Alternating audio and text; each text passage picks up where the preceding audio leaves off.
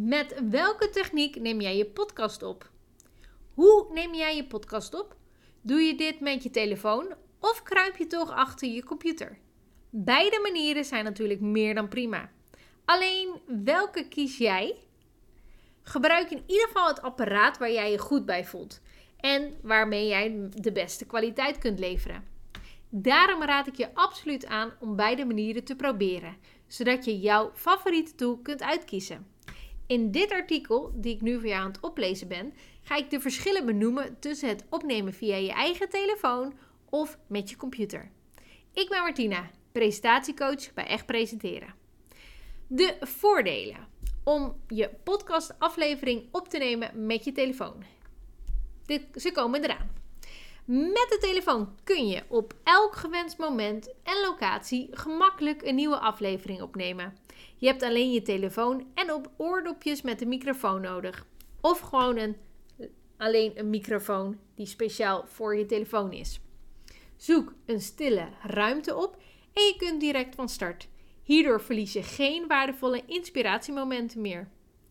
Met de telefoon kun je direct beginnen zonder een mini-studio op te bouwen. Met de telefoon kun je zonder een prestatiegevoel beginnen. Door een grote podcastmicrofoon kun je onnodig zenuwen krijgen, waardoor jij je niet op je gemak voelt. Het kan goed voorkomen dat de luisteraars dit terug kunnen horen in je stem. Met je telefoon kun je gemakkelijk op iedere plek, zelfs op je eigen bank, een opname maken. Met de telefoon kun je gemakkelijk opnemen aangezien op elke telefoon een geluidsopname-app staat. Je kunt vervolgens direct je opname vanaf je telefoon uploaden op de online web of je kunt hem kopiëren naar je computer. De voordelen om hem op te nemen met de computer en microfoon, die ga ik nu met je behandelen. Met de computer en microfoon kun je jezelf een spreker voelen die een nieuwe podcastaflevering gaat opnemen. Helemaal in je element kun je spreken vanuit je expertise. Hierdoor kun je gemakkelijker de luisteraars inspireren, informeren en motiveren, omdat je er helemaal voor bent gaan zitten. Met de computer en microfoon kun je beter verstaanbaar zijn, aangezien een professionele microfoon zijn werk doet. Hij zal de oneffenheden van je stem filteren, waardoor je meer luistercomfort kunt bieden. Met de computer en microfoon kun je gewoon bewegen, zonder dat jij je druk hoeft te maken over welke onnodige geluiden te horen zijn. Een goede microfoon filtert de achtergrondgeluiden en neemt specifiek je stem op. Maar let ook op, ik ga nog een paar handige tips met je delen waar jij zeker rekening mee moet houden. Welke techniek je ook kiest, let wel altijd op de volgende punten. De boodschap. Ook al krijg je een waanzinnig idee ter plekke, dan is het toch goed om eerst de boodschap die je wilt brengen helder te hebben. Dan weet je precies waarover je spreekt en waar je naartoe wilt. Zo kun je de luisteraars beter meenemen in jouw verhaal.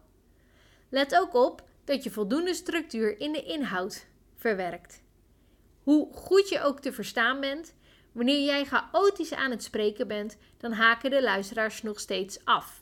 Dit kan zijn omdat je er geen logische rode draad in hebt, geen concrete opbouw, geen persoonlijke voorbeelden of ervaringen en ga zo maar door. De luisteraars willen echt meegenomen worden in jouw verhaal. Het verhaal van een expert die spreekt vanuit zijn of haar expertise.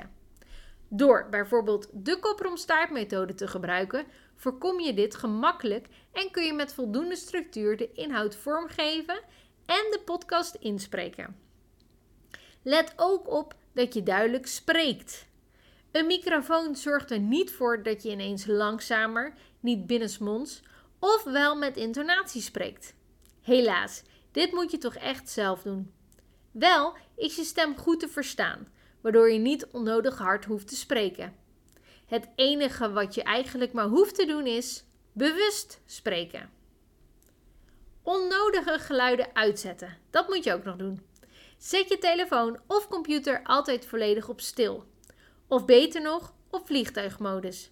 Je apparatuur gaat hierdoor niet halverwege geluiden maken die eventueel de luisteraars kunnen horen of die jou als spreker kunnen afleiden. Zijn er ook afleidende achtergrondgeluiden te horen? Denk bijvoorbeeld aan de wind. Dit is echt een dooddoener voor je luisteraars. Dit kun je vooraf testen als je weet uit welke richting de wind komt. Nog een snelle bonus microfoontip. Als je een speciale microfoon gaat aanschaffen om je podcastafleveringen op te nemen, kijk en luister vooral naar de kwaliteit. Op YouTube kun je diverse expert-video's bekijken die je een review geven over de nieuwste microfoons. Hierdoor kun je gemakkelijk de verschillen horen en je favoriet uitkiezen naar smaak, budget en kwaliteit.